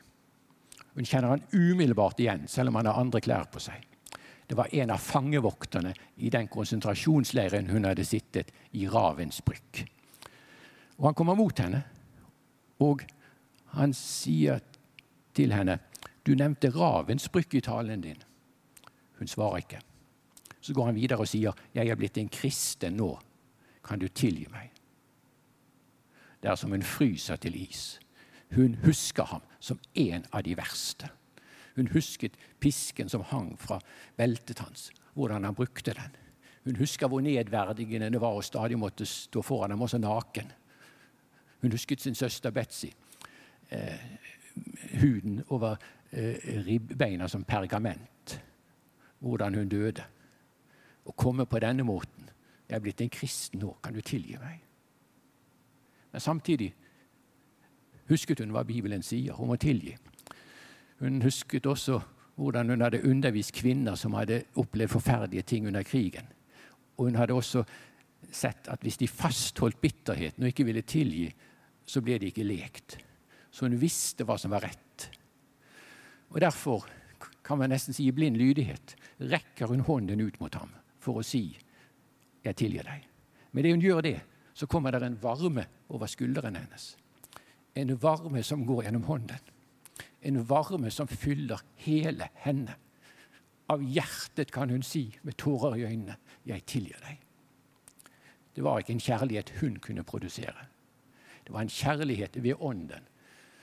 Eh, om vi går tilbake igjen på, på eh, plansjen her, eh, så skriver Paulus i uh, Romerbrevet kapittel 5, 5 om Guds kjærlighet utøst i våre hjerter ved Den hellige ånd. Og Jeg tror at vi kan få lov å si at på en lignende måte som det er med kjærlighet, så er det med tro også. Vår tro strekker ikke til, like som vår kjærlighet ikke strekker til. Men ved Ånden kan vi få lov å bli fylt av en tro som ikke vi selv klarer å produsere. Og med den troen, fylt av tro som Ånden gir, ved at vi på den måten kan ha tro til Gud, så er ingenting umulig. Alt er mulig fordi det er Gud som på denne måten virker. Eh, la oss gå videre til eh, den plansjen igjen. Eh, litt mer om dette. Noen greske ord her. Ordet for vantro på gresk det er apistia. Tenk på ateisme, ikke sant? at du ikke tror på Gud. Og I, i Matteus, unnskyld, Markus 6, 6 så sies det at Jesus ikke kunne gjøre så mange under i Nasaret pga. deres vantro. Men merk dere at denne vantroen det her er snakk om, det er ikke bare en kamp med tvil og et forsøk på å tro, men det er en direkte avvisning av Jesus. De vil ikke ha med han å gjøre. De forkaster ham. Det er vantro på en opprørsk måte. Men eh, hvis vi leser i Matteus kapittel 17, så leser vi om en stakkars far som kommer med sin eh, sønn, eh, som er ille plaget av en ond ånd, og spør disiplene om de kan drive ut ånden ut, men de får det ikke til. Så kommer Jesus og driver ånden ut. Etterpå spør disiplene hvorfor kunne ikke vi drive den ut. Og Da svarer Jesus på grunn av deres lille tro. Han sier ikke vantro, men han sier av deres lille tro. Det er ikke ordet apistia, men det er oligopistia. Og eh, Ofte så brukes dette uttrykket 'dere lite troende'. Mange steder så brukes det. Og Et Eh, uttrykk som vi finner både i Isaiah 37,3 og 2. kongebok 19,3, syns jeg illustrerer dette på en, en veldig fin måte eh, i forbindelse med en situasjon hvor det var beleiring og de manglet mat. Eh, og eh, Så sier kongen selv om Gud åpnet himmelens sluser, hvordan skulle det være mulig? Og så eh, blant, svarer profeten bl.a.: Barnet er kommet til modermunnen, men det var ikke kraft nok til å føde. Og Vi vet at dette kan skje. Fødselsveene begynner, men det er ikke kraft nok til å føde. Og billedlig talt så tror jeg det, at det er ofte slik at vi opplever den situasjonen at jo, vi har tro, men samtidig det er ikke kraft nok til å føde miraklet som trengs.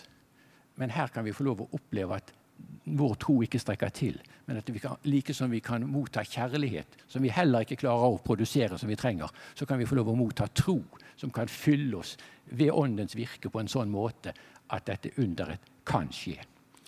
Nå sier jo Jesus samtidig der i Matteus 20 at om dere tro som et sennepsfrø, så kan dere si til dette fjellet 'flytt deg derfra og dit'. Og Da kan man jo lure på hvor, mye, hvor lite tro hadde egentlig da disiplene. Men da har jeg reflektert over og stilt meg selv spørsmålet kanskje handler det ikke bare om kvantiteten på tro, men også om, kvanti, om kvaliteten. Ikke bare kvantiteten, men kvaliteten. Altså, For å si det på denne måten et fjell av menneskelig tro duger ikke her. Men et sennepsfrø av guddommelig tro er nok til å flytte et fjell. Men denne troen kan ikke vi produsere selv. Den må vi få lov å motta fra ham. Og eh, Hvis du nå går fram igjen til ja, Her har jeg også litt ulike sider før vi tar den, litt ulike sider ved tro vi har tro som en åndens åpenbaring, omtalt i første kor 12. Eh, men så har vi også det at det kan være tro hos forbederne, men også tro hos den syke. Eh, slik som hun som hadde hatt blødninger i tolv år. Og Derfor er jeg veldig viktig å betone at vi må aldri si til et menneske at du blir ikke helbredet fordi du ikke har tro nok. Hvis forbederen sier det, så vil jeg spørre ja, men hva med din tro som forbeder. da? Det var til disiplene Jesus sa fordi dere ikke har eller fordi dere har så lite tro. Altså Det var disiplene som trengte å vokse i tro. Og vi som er forkynnere og vi som er forbedere, vi trenger å vokse i tro. Amen. Og det kan vi få lov å gjøre, men vi kommer aldri til å være fullkomne i det. Vi vil stadig være underveis, og vi vil se ting skje ikke perfekt som gjennom Jesus, men likevel skal vi få lov å innta dette området mer og mer. Og så videre til neste plansje. Eh, jeg syns eh, Marie Monsen er en som illustrerer det jeg nå snakker om, på en veldig mm, interessant måte. Og En av hennes veldig interessante historier er historien om spanskesyken som hun eh, opplevde å bekjempe. Eh, dette var i 1918, og da gikk jo denne epidemien over verden, som er en parallell til koronapandemien vi opplever nå. Og Spanskesyken i 1918 og et par følgende år mener man førte til at mellom 50 til 100 millioner mennesker døde. Og den eh, rammet også denne spanskesyken Kina da hun var misjonær i Kina. Og hun hadde fått et brev fra Norge kort tid i forveien. Og den som skrev brevet, hadde blitt så minnet om å gi henne Salme 91, hvor eh, det står du skal ikke frykte for pest som farer frem om middagen. Faller tusen ved din side og ti tusen ved din høyre hånd, til deg skal det ikke nå. Så kommer spanskesyken. Folk dør som fluer. De hadde misjonskonferanse, eller seminar for kvinner. 80 kvinner omtrent på misjonsstasjonen. De går ned av spanskesyken, alle sammen. I hvert fall omtrent. Og hun måtte gå og stelle dem. Og så En dag så begynner det å dryppe fra øynene hennes, og det er det som en hard stemme sier til henne. Nå har du sykdommen, du også. Nei, sier hun. Her står det. Til deg skal det ikke nå. Jeg protesterer i Jesu navn, sa hun. Neste dag begynte det å renne fra nesen. Samme sak gjentok seg. Men begge dagene var det ikke slik at hun bare sa 'jeg protesterer i Jesu navn'. Men hun våget ikke å gå og legge seg, forteller hun, før hun opplevde å ha seier i sin ånd. Det fikk hun første dagen, etter at det begynte å dryppe fra øynene. Neste dag rent fra nesen. Nok en gang kjempet hun utover kvelden inntil hun opplevde å ha seier i sin ånd. Tredje dagen var det halsen som ble angrepet. Og Det var som den samme harde stemmen sa. 'Nå har du sykdommen, du også.' Nei, sa hun. Her står det. Til deg skal det ikke nå. Men denne gangen ga det seg ikke så lett. Hun kjempet utover kvelden. Til slutt måtte hun skrive løftet fra Salme 91 opp på et stort ark papir foran seg og holdt det foran seg og opplevde at hun fikk seier i sin hånd. Neste dag en helt annen atmosfære på misjonsstasjonen. Eh, de ba for flere av kvinnene som ønsket forbund. De ble momentant helbredet. Svettet feberen ut. Ingen av kvinnene døde. Hun vant seier for sin egen del, pluss for de andre 80 kvinnene. Men jeg har reflektert over dette uttrykket som hun bruker. Seier i sin ånd. Hun våget ikke å legge seg før hun hadde seier i sin ånd. Og jeg lurer på, og jeg stiller det som et sånt spørsmål Beskriver hun her denne forskjellen mellom menneskelig tro og guddommelig tro, hvor hun i denne bønnekampen og troskampen opplever at Den hellige ånd fyller henne med en tro som ikke hun kunne produsere selv. Den troen som gjorde at hun vant seier over sykdommen, og likeledes vant seier for alle de andre kvinnene på samme tid.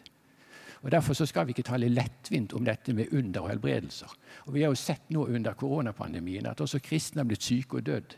Og det er nesten sjokkert med at til og med på møter har mennesker blitt smittet og dødd som et resultat. Og Vi kan jo liksom spørre ja, men kunne ikke Gud beskytte dem. De sang jo lovsanger til Gud, og så blir de syke og døde av at de var på møte og sang lovsanger til Gud.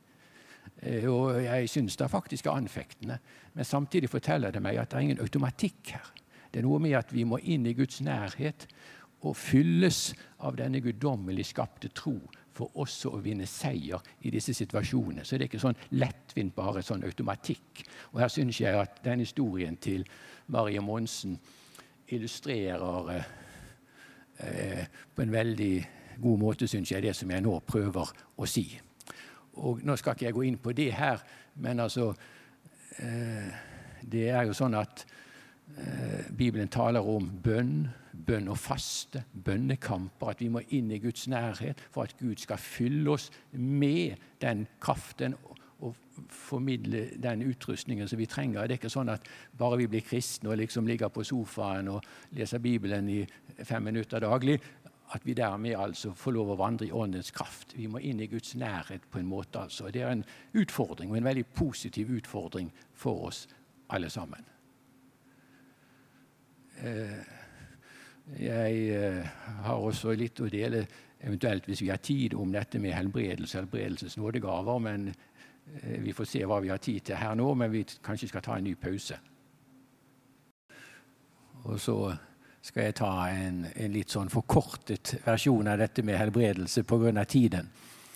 Og eh, dette med helbredelse det gjelder jo både fysisk helbredelse, men også emosjonell og psykologisk helbredelse.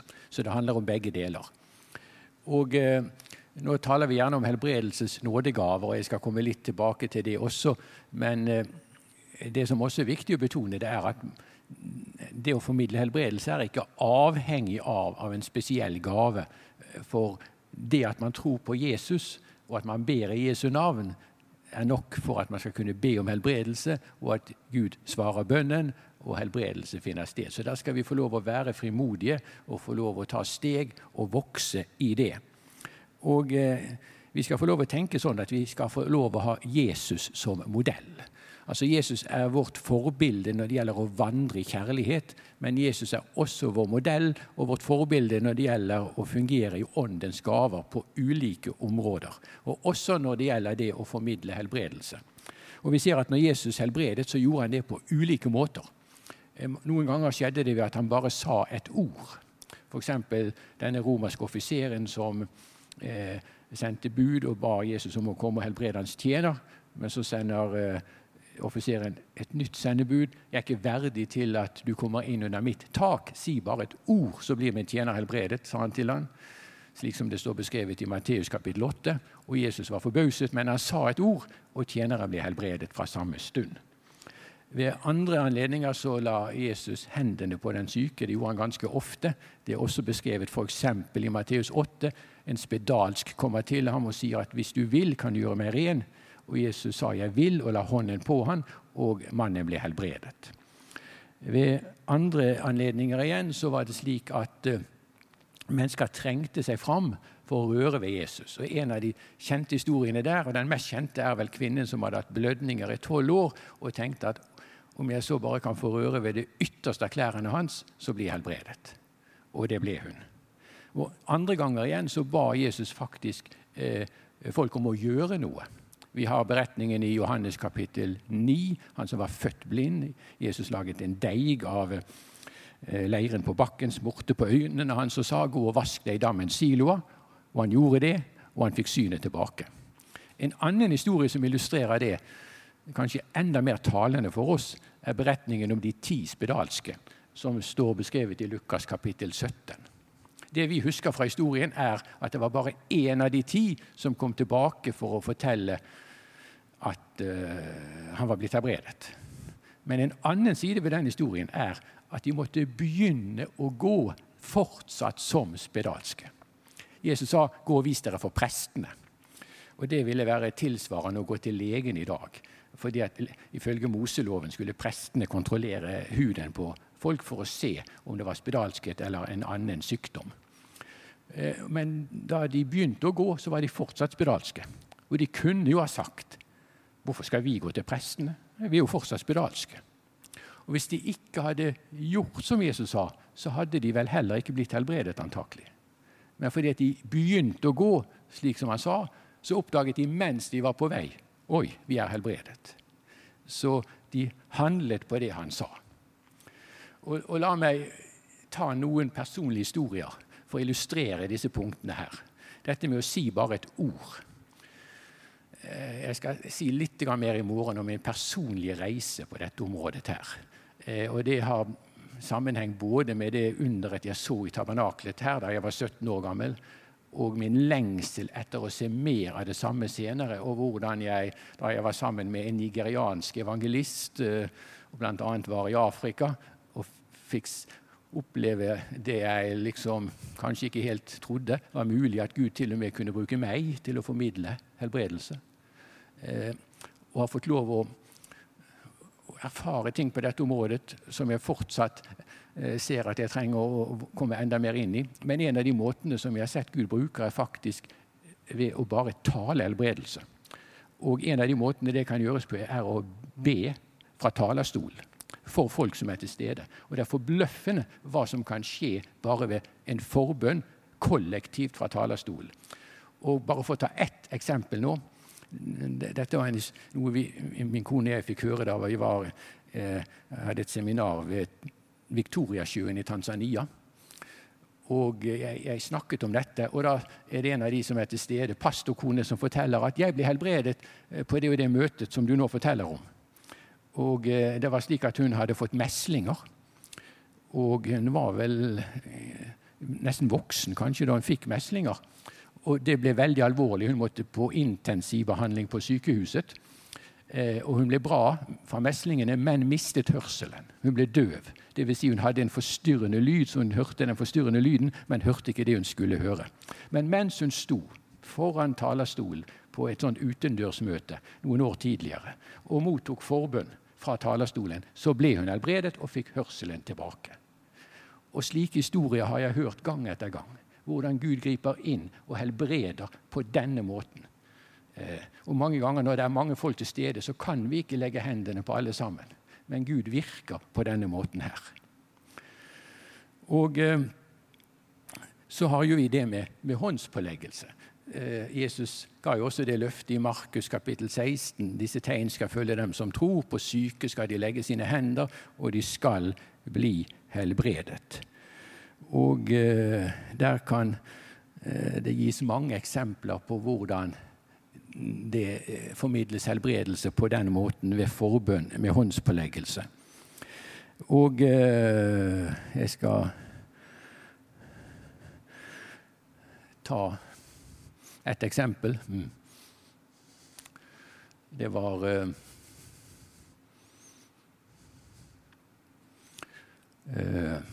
første gangen jeg opplevde et gjennombrudd på dette området. Eh, på denne måten som jeg nå skal fortelle om. Det var i Zimbabwe sammen med en nigeriansk evangelist. Og Midt under møtet så kommer der en møtevert og spør kan du be for denne mannen. Han var døv. Totalt døv. Og eh, jeg hadde aldri vært i nærheten av å, å, be for noen døv som de fikk hørsel. Jeg hadde jo vært vitne til at, at, det skjedde. Eh, og det var mange døve som ble helbredet på disse møtene. Men for meg var det på en måte sånt langt over mitt nivå. Altså sånn Benny eller Bonk eller noe sånt som må til for at sånne ting skal skje. Men fordi at det var mye som skjedde i disse møtene, så hadde jeg tro for at det kan skje. Så etter at frelsesinnbydelse var ferdig, og denne møteverten kunne døvespråket, så han tolket eh, for denne her som ungdommen i 20-årsalderen, og han var med og ble frelsesbønn. Og så var det min tur etterpå. Så da gjorde jeg akkurat sånn som jeg hadde sett en evangelisten gjøre. Jeg stakk fingrene i ørene på han og befalte ørene å åpne seg. Og så snudde jeg han rundt og gikk bak han et stykke og klappet for å teste. Kan du høre klappingen min? Og det kunne han. Neste dag så jeg han ikke, så jeg ble bekymret. Hvordan går det med han? Eh, eh, dagen etter var han der igjen med sin søster, eh, som fortalte at han var 23 år. Han var født døv, hadde aldri hørt, men nå hadde han altså begynt å høre og kunne eh, gjenta ord når man sto bak han vi skal få lov å tre utpå og oppleve at Gud bruker oss. Eh, jeg ikke, vet ikke om jeg kan si at folk har rørt ved meg, og de har blitt helbredet. Eh, men det er jo folks tro. Men la meg fortelle en historie som liksom nærmer seg på en måte. da. Eh, det var i Russland. Jeg var kjørt med bil fra en by som het Bryansk, til en annen by som het Ariol, sånn på Oslos størrelse, begge byene. Jeg var trøtt i hodet, jeg var trøtt etter å ha blitt kjørt et par timer i en dårlig Lada, så jeg kjente meg veldig liksom lite opplagt. Og Der skulle en eh, person møte oss og sykle for oss et par hundre meter for å vise oss veien til huset vi skulle bo i. Og Jeg husket denne mannen igjen fra noen tidligere besøk. Så jeg sa Gud velsigne han. Etterpå forteller han, eller Senere forteller han at han var vakt i en barnehage. Der hadde noen brutt seg inn Eh, og han var blitt stygt forslått etter innbruddet og mishandlingen han var utsatt for. Og han hadde fortsatt smerter etter denne mishandlingen, men mens han sykler på sykkelen foran oss for å vise oss veien, så blir han helbredet. Det er noe med gudsnærværet som vi får lov å se at uavhengig av oss også, så virker Gud. Og dette med å handle der, der, har jeg skjønt at det er noe. Vi kan ikke si at det er en teknikk eller metode, men det er et eller annet med responsen. Og Et eksempel der også, det var en mann som het Gideon. Det var på et utendørsmøte i Dar es Salaam i Tanzania. Og jeg preket og ba for folk sånn fra plattformen. Og jeg ante ikke noe om denne Gideon. Han hadde et par år tidligere blitt kjørt ned av en taxi, vært på sykehuset, tatt veldig mange operasjoner. Det ene benet hans, var, fot, benet hans var helt stivt, han kunne ikke bøye kneet i det hele tatt. Eh, han hadde humpet seg fram på to kilometer til møtet på noen sånne enkle trekrykker. Og jeg sier til folk eh, gjør noe du ikke kunne gjøre. Ikke noe farlig betont, men handle. Gjør noe som du ikke kunne gjøre. Og det han ikke kunne gjøre når jeg hadde bedt eh, om helbredelse, det var at han kunne ikke bøye kneet. Men det begynte han å gjøre. Og han gikk tilbake to kilometer med krykkene under armene. Han kom ikke neste dag på møte, men han kom to dager etterpå kom til plattformen for å fortelle hva som hadde skjedd. Fortsatt gikk han ikke så veldig fort, men etter hvert som han gikk, så ble det bedre og bedre og fortere og fortere. Så på ulike måter skal vi få lov å følge Jesu eksempel, eh, følge Jesu eksempel og han som modell, og handle på de måtene som han har vist oss. Og Vi har også dette med at kunnskapsord og helbredelse kan kombineres, og at Gud viser at her er noen sånn og sånn som blir helbredet, eller han vil helbrede. Og vi kan be kollektivt, som vi har sagt, og individuelt. Og ta neste plansje. Eh, eh, det kan skje offentlig, men det kan også skje eh, mer sånn diskré. Og det er noe som man gjerne Healing rooms på engelsk, eller helbredelsesrom, hvor man eh, har forbønn for syke hvor man kan ta mer tid, for ofte trengs tid også for å formidle helbredelse. Det er ikke alltid at en sånn kvikk forbønn på noen sekunder i et ettermøte er nok, men kanskje trenger folk å dynkes i Guds nærvær over tid, og kanskje komme tilbake for forbund flere ganger. Og Da har man dette med at man har kanskje spesielle tider. F.eks. vet jeg at Imi-kirken i Stavanger har hatt eh, eh, som er en veldig karismatisk luthersk menighet, eh, Eh, på lørdag formiddag eh, eh, forbønn for syke, som en sånn egen samling hvor man kan ta tid til å be for syke. Og eh, veldig fort her nå eh, Gud helbreder på ulike måter. Noen ganger tilsynelatende uten at noen har bedt i det hele tatt. Men det er ikke det vanlige. Det vanlige er at det skjer bønn. Vi kan ikke gjøre det at Gud griper inn suverent som eh, regelen. Det er unntak. Men Jesus har vist oss og forklart for oss at vi skal be. Og kristne ber, og Gud svarer bønn allment. I, I, tillegg har vi dette med at man kan kalle de eldste til seg og salve med olje, slik som det står beskrevet i Jakob kapittel 5. Og så har vi dette med helbredelses nådegaver. Eh, hvor, eh, nei, unnskyld, nå er jeg litt foran din plansje her. Eh, ta den. Eh, dette som jeg nå har sagt. Og så har vi det med helbredelses nådegaver, hvor uh, det står i flertall begge deler, og det jeg lurt på. Og Det finnes ulike måter å forstå dette på. Noen forstår det slik, f.eks. John Wimber, som jo ble veldig brukt til å formidle helbredelse, og var en plogspiss eh, når det gjaldt gjennombrudd for tegn og under inn i de etablerte kirkesamfunnene, og som også grunnla denne menighetsbevegelsen Vinjard. Han mente at helbredelsen og disse gavene ellers også er ikke noe som en person får regelmessig, slik at man bruker disse gavene, men at hver enkelt tilfelle av f.eks. helbredelse er en gave som gis av Den hellige ånd til den syke gjennom den som da formidler. Men så taler han i tillegg om det med tjenester, at noen kan få en tjeneste mer enn andre på visse områder. Men det klassiske er å tenke seg at noen får en helbredelsens gave. Men også da er det interessant at det står i flertall, for det jeg har tenkt er at dette kanskje arter seg på ulike måter hos ulike personer. Slik at vi skal ikke gjøre dette for skjematisk og tenke bare på én måte. Og eh, F.eks. Oral Roberts, som var en pioner når det gjelder det med helbredelse. Han selv led av tuberkulose og var døende av tuberkulose da han var 17 år gammel. og eh, Foreldrene tok han til et møte hvor han ble bedt for, og han opplevde at Gud helbredet han. Han kjente det umiddelbart. Han hostet ikke opp blod som han hadde gjort før. Og så opplever han at Gud sier til han, forteller han at 'jeg har kalt deg til å bringe min helbredende kraft til din generasjon'.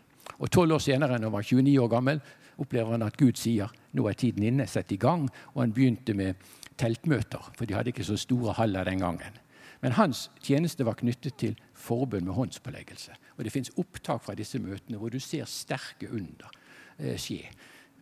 Ikke alle ble helbredet, han er veldig åpen på det, men mange ble det. Og det var avhengig av at han la hånden på dem, så de passerte talerstol, og han ba for dem.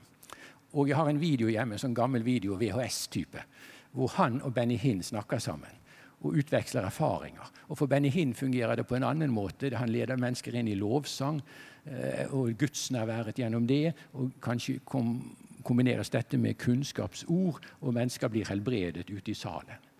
Går vi til Reinhard Bonke, så er det enda en annen måte igjen. Så vi kan se et mangfold her av måter dette arter seg på, og, og la oss eh, være åpne for det å, å, ikke låse oss til én bestemt måte. Og Jeg tror det er en av hindringene vi har. At vi har en sånn modell. Sånn skal det skje. Og hvis ikke det skjer på den måten, så kan det ikke skje. Men vi ser at Jesus helbredet på høyst ulike måter. Vi ser at mennesker kan i dag brukes på ulike måter. Og la oss være åpen. Det kan være at sånn som Marie Monsen hun tok til seg Guds løfter personlig. Det var ikke mange som hun kunne få forbønn av heller på den, gangen, den tiden der. Men hun tok Guds løfter til seg personlig og opplevde helbredelse. Og så har vi det med ulike gaver som kan være i funksjon. Eh, så la oss være åpne for hele spekteret og hvordan Den hellige ånd vil virke. Eh, gjennom oss og gjennom andre. Og så er vi det med tro. Og, og eh, det er faktisk ikke alltid godt å vite er det en helbredelsens nådegave som er i virksomhet, eller er det troens gave som er i virksomhet?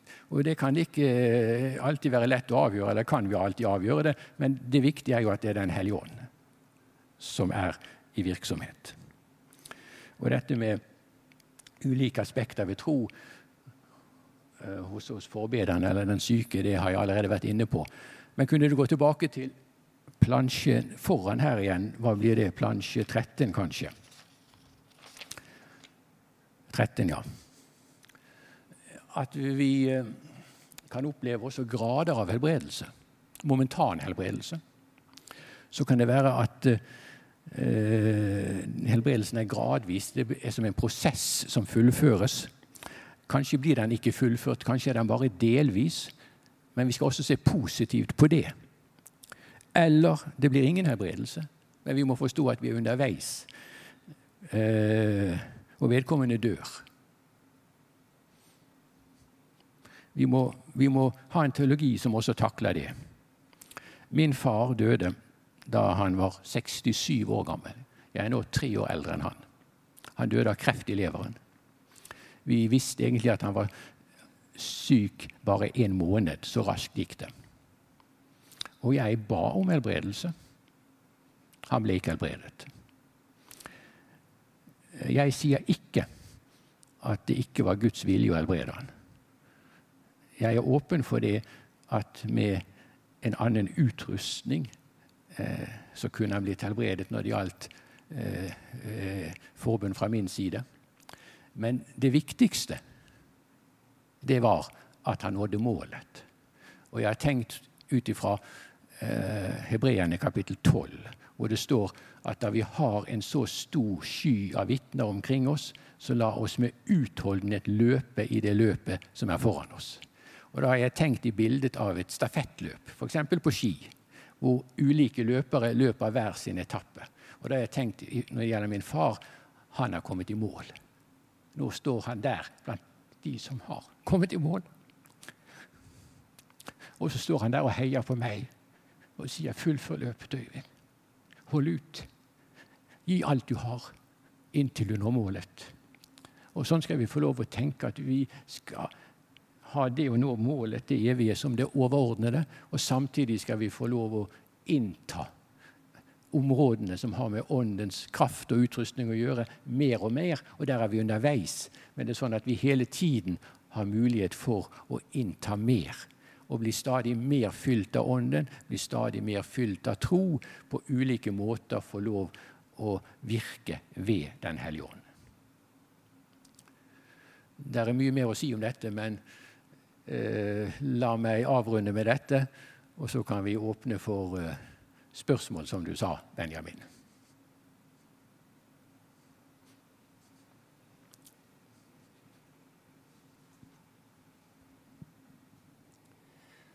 Takk skal du ha, Øyvind. Vi kan godt sette opp eh, nummeret opp der, og så tar vi ikke opp eh, spørsmåla eh, på opptak, men eh, du kan få lov til å stille dem eh, sånn som du tenker. Fikk ett eh, mens du holdt på her, og jeg synes at det egentlig så svarte du litt på det på sluttet her, men noen refleksjoner rundt eh, når helbredelse ikke skjer. Du var jo litt innpå her. Eh, akkurat det. Det er kanskje noe av eh, byrden som noe som da kanskje både de som ikke opplever det, føler. Hva er feil med meg? Er jeg ikke god nok? Har jeg ikke bedt nok? Har jeg ikke Eller eh, eventuelt for den som da ber for. Du nevnte litt her. Hadde du vært utrusta litt annerledes da, så kanskje det hadde vært annerledes. Kan du reflektere litt mer rundt dette? Ja, jeg har faktisk et poeng her som jeg ofte bruker, og som jeg Eh, vil spare til i morgen med en billedbruk, men den sparer jeg til i morgen. Men jeg svarer mer generelt nå at slik som jeg tenker, så er det slik at Jesus var fullkommen. Ingen av oss er fullkomne. Vi er underveis. Eh, og så har vi spørsmålet vil Gud alltid helbrede. Vel, han helbredet alle som kom til han. Kan det være tilfeller hvor han ikke vil helbrede? La det stå åpent, men i hvert fall så tror jeg at vi uansett må se det slik at vi kommer aldri dit hen at vi ser alle helbredet. For vi er ikke fullkomne. Vi er ikke redskaper som Jesus var fullkommen. Vi lever i en verden hvor, som er ikke er fullkommen, hvor ulike faktorer virker inn. Så Derfor må vi også innse det at, eh, at ikke alle blir helbredet. Og nå er jeg frimodig og ber for syke, men det er jo langt fra alle jeg ber for som blir helbredet. Det er jo nesten motsatt. Eh, men eh, jeg tillater meg også å tenke slik at jeg er takknemlig for de som blir helbredet, og, ikke lar det at, at, de ikke blir helbredet, ta motet fra meg til å fortsette å be. Jeg kunne jo også tenkt sånn. har jeg tenkt, Min far ble ikke helbredet, hvorfor skal jeg be for folk når ikke han blir helbredet? Jeg kunne blitt bitter pga. det. Men heller se det slik at her skal jeg få lov å la meg bruke, og er underveis i det å være en kanal for Guds kraft. Og jeg har ikke alle svarene. Ja, det er i hvert fall noen refleksjoner. Dere må bare være frimodige å skrive, men jeg stiller et spørsmål i mellomtida. Eh, du nevnte her i forhold til eh, nådegaver. Eh, og La oss gjerne komme tilbake litt dit også, i forhold til hvordan kan vi operere bedre, enklere i de gavene som Gud har. Kan det ha noen relasjon i forhold til det som Bibelen sier troen kommer av budskapet vi hører. Budskapet av Guds ord. Eh, at det skjer mer helbredelser, f.eks. der hvor det forkynnes mer om Guds kraft til helbredelse, eh, enn der hvor det ikke gjør det. Eh, det samme at det skjer flere mer åndsdåp, der hvor det er forkynnes mer om det, der hvor det undervises mer om nådegaver. Skapes det et rom for å på en måte ta imot det mer? Er det en relasjon her? I, absolutt. Der vil jeg svare absolutt ja. Og vi kan jo lære av pinsebevegelsens historie her. Det, tungetale var ikke nytt da pinsebevegelsen startet. Først med Parham nyttårsnatten 1901, overgangen 1900-1901. I hellighetsbevegelsen på 1800-tallet var det mye tungetale. Men man så på det som et sånt perifert fenomen. På lignende måte som at noen gråt, noen ristet, noen falt under åndens påvirkning. Så talte noen i tunger. Men så kommer Perham Perhem med den forståelsen som senere ble overtatt av William Seymour, som var eh, elev av Perhem og kommer til Asusa Street, at tungetale er tegnet på åndens dåp. Da begynte man å forkynne om tungetale knyttet til åndens dåp på en annen måte. Og folk, det ble skapt en forventning og en lengsel hos folk etter dette som førte til at folk opplevde det på en helt annen måte. Og Det samme gjelder det med helbredelse eller andre av åndens gaver. Vi høster fruktene av det vi forkynner. Hvis vi ikke forkynner, så høster vi fruktene av det og det, forkynnes, og så fører forkynnelsen til at eh, folk opplever. Det kan også gå motsatt, motsatt, vei, at folk opplever, og så begynner å lese i Bibelen og finner ut at dette er hva Gud skal, eh, ønsker at vi skal erfare. Men det mest vanlige er at vi må forkynne det fram for at folk skal oppleve det. Så Derfor er det veldig viktig at pinsebevegelsen ikke nedtoner dette med åndens kraft og utrustning og åndens gaver, men at vi holder det oppe, for det er en åndelig arv som vi må ivareta. ta to spørsmål til som har kommet inn nå. Eh, jeg kan ikke komme i morgen, sier vedkommende, men eh, kan jeg få en kommentar om hvordan søke Den hellige ånd? Mange eh, som ikke er omstøpt her, kan vi få forbønn her og nå? Eh, og mer i morgen, eh, i møtene som kommer, sier én. Eh, og så er det en annen som skriver mange har bedt i flere år om å få tungetalen, men venter fremdeles på den. Hvordan få forløsningen av tungen? Eller er det ikke for alle? Jeg tror at dette med tungetale som et bønnespråk er for alle. Men det kan være ulike grunner til at det ikke er blitt forløst. Så det er veldig viktig å betone at man ikke må kjenne seg annenrangs eller kjenne seg skyldbetynget på noen måte pga. det. Eh, men det er mange faktorer som spiller inn. Eh, og jeg tror at det kan ligge der latent. Og en av de hindringene som ofte folk har, er jo dette at Ja, men tenk om det bare er meg selv. Og nå skal jeg, nå skal jeg si noe som jeg kanskje kommer til å si i morgen også. Hvis det bare er deg selv, Spiller det noen rolle? Nå lurer du på hva mener jeg. Jo, det tenker jeg på hvis folk liksom tar skritt når det gjelder dette med å tale i tunga, be i tunga. Og så tenker du kanskje eh, men tenk om dette er bare noe som jeg selv lager. Ikke bekymre deg om det. Selv om det skulle være bare noe som du fant på, så ser Gud hjertet. Du prøver å si noe til Gud. Det er som babyplapring som Gud kan tolke. Han ser hva som er i ditt hjerte, i din ånd.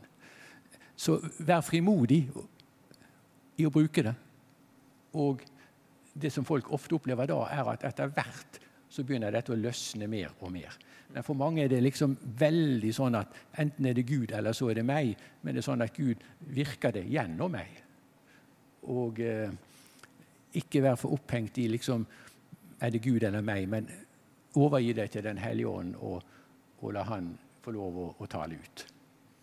Vi skal be til slutt her, så da kan vi be om for deg som også ønsker å få det. Jeg tenker også på det bildet du nevnte av Mari eh, av Monsen ja. i forhold til det med tvilstanker og fordømmelsestanker. Ja. Eh, det kommer jo Jeg opplevde i hvert fall det veldig eh, når eh, jeg ble døpt i Den hellige ånd og fikk tungene at det også kom liksom en sånn stemme ja, men dette er bare noe du finner på sjøl. Ja. Eh, men det å da gå til ordet og ha sikkerheten i ordet at jeg har blitt fylt med Den hellige ånd ja. Også, Jeg hadde litt den derre altså Når du ser på filmer, du, så har du den lille med, med gaffelen på ene sida, så har du den andre på andre sida. Og, og, Den hellige ånd han oppmuntrer oss hele tida og sier 'Stå på. Det er meg. Det er meg.' Men så fienden han vil jo ikke at du skal begynne å bruke dette for han. Det er jo livsfarlig for han med åndsfylte kristne. Så det er klart at den kampen vil være der. Men for meg så ble det sånn Er dette babbel, så skal jeg bable. Og er det Den hellige ånd, så vil jeg ikke gå glipp av det. Og jeg tenker at så enkelt kan det være. Eh, og så får du lov til å oppleve å bare hoppe i det. Og så er det jo noe man vokser i etter hvert som man bruker det. Ja, og det er jo sånn, ikke sant, er, Paulus forklarer jo at det er min ånd som ber. Så jeg ved Den hellige ånds inspirasjon setter jeg lyd på ord på ting som ligger i mitt hjerte og i min ånd, som jeg vil kommunisere til Gud. Og I Roman 8 så står det om utsigelige sukk. ikke sant? Eh, så, så, her er det ting i vår ånd som vi skal få lov å formidle til Gud. Men også, om ikke tungetallet er forløst, så la ikke det hindre deg i å, å bli brukt på andre områder. Jeg tror mennesker kan bli brukt veldig sterkt i andre av åndens gaver, men kanskje tungetall ikke er forløst. Men la ikke det hindre deg i å bli brukt der hvor du merker at ånden virker gjennom deg. Vær frimodig i det, og voks i det. Jeg har et spørsmål til her. Eh, skal se om jeg greier å forstå det riktig. Hva menes med ånd? Jeg har en slags intuitiv forståelse som nærliggende vesen eller lignende. Men er det noe jeg er? i parentes, sammen med kropp og sjel, eller noe jeg har eh, som et redskap med en funksjon som å ta den åndelige temperaturen på et rom eller ord jeg kjenner i min ånd, f.eks. Altså, Gud er ånd. Og Gud har skapt oss i sitt bilde som et åndsvesen. Så falt mennesket, og menneskets ånd kan vi si ble åndelig død. Men også som åndelig død så kan mennesker eh, eh, forbinde seg med, med, med, det åndelige. og Det ser vi f.eks. med trolldom, spiritisme og sånt, hvor mennesker kobler seg opp mot djevelens ånd. Men vi skal få lov å koble oss på Den hellige ånd, på Guds ånd. Og når vi tror på Jesus, er vår ånd født på ny. Så vi er åndsvesener. Men samtidig har Gud skapt oss slik at vi har både sjel og legeme, og vi er en enhet på samme tid. Men selv om vår kropp dør og går til grunne, så for, slutter vi ikke å eksistere. Vi er fortsatt åndsvesener. Og, eh, og, dette med at vi kan registrere vår ånd, det er jo det at vi, vi, vi er skapt som åndsvesener. F.eks. tungetalen går utover vår forstand, men likevel kan vi kommunisere med Gud på en måte som går utover vår forstand. Eh, men så kan vi på en måte plukke opp hva Den hellige ånd ønsker å si til oss i vår ånd, sånn at vi intuitivt eh, forstår det. Og det må selvsagt kombineres sammen med, med Skriften. Nå prøvde jeg å si noe veldig kortfattet her, altså, men ja.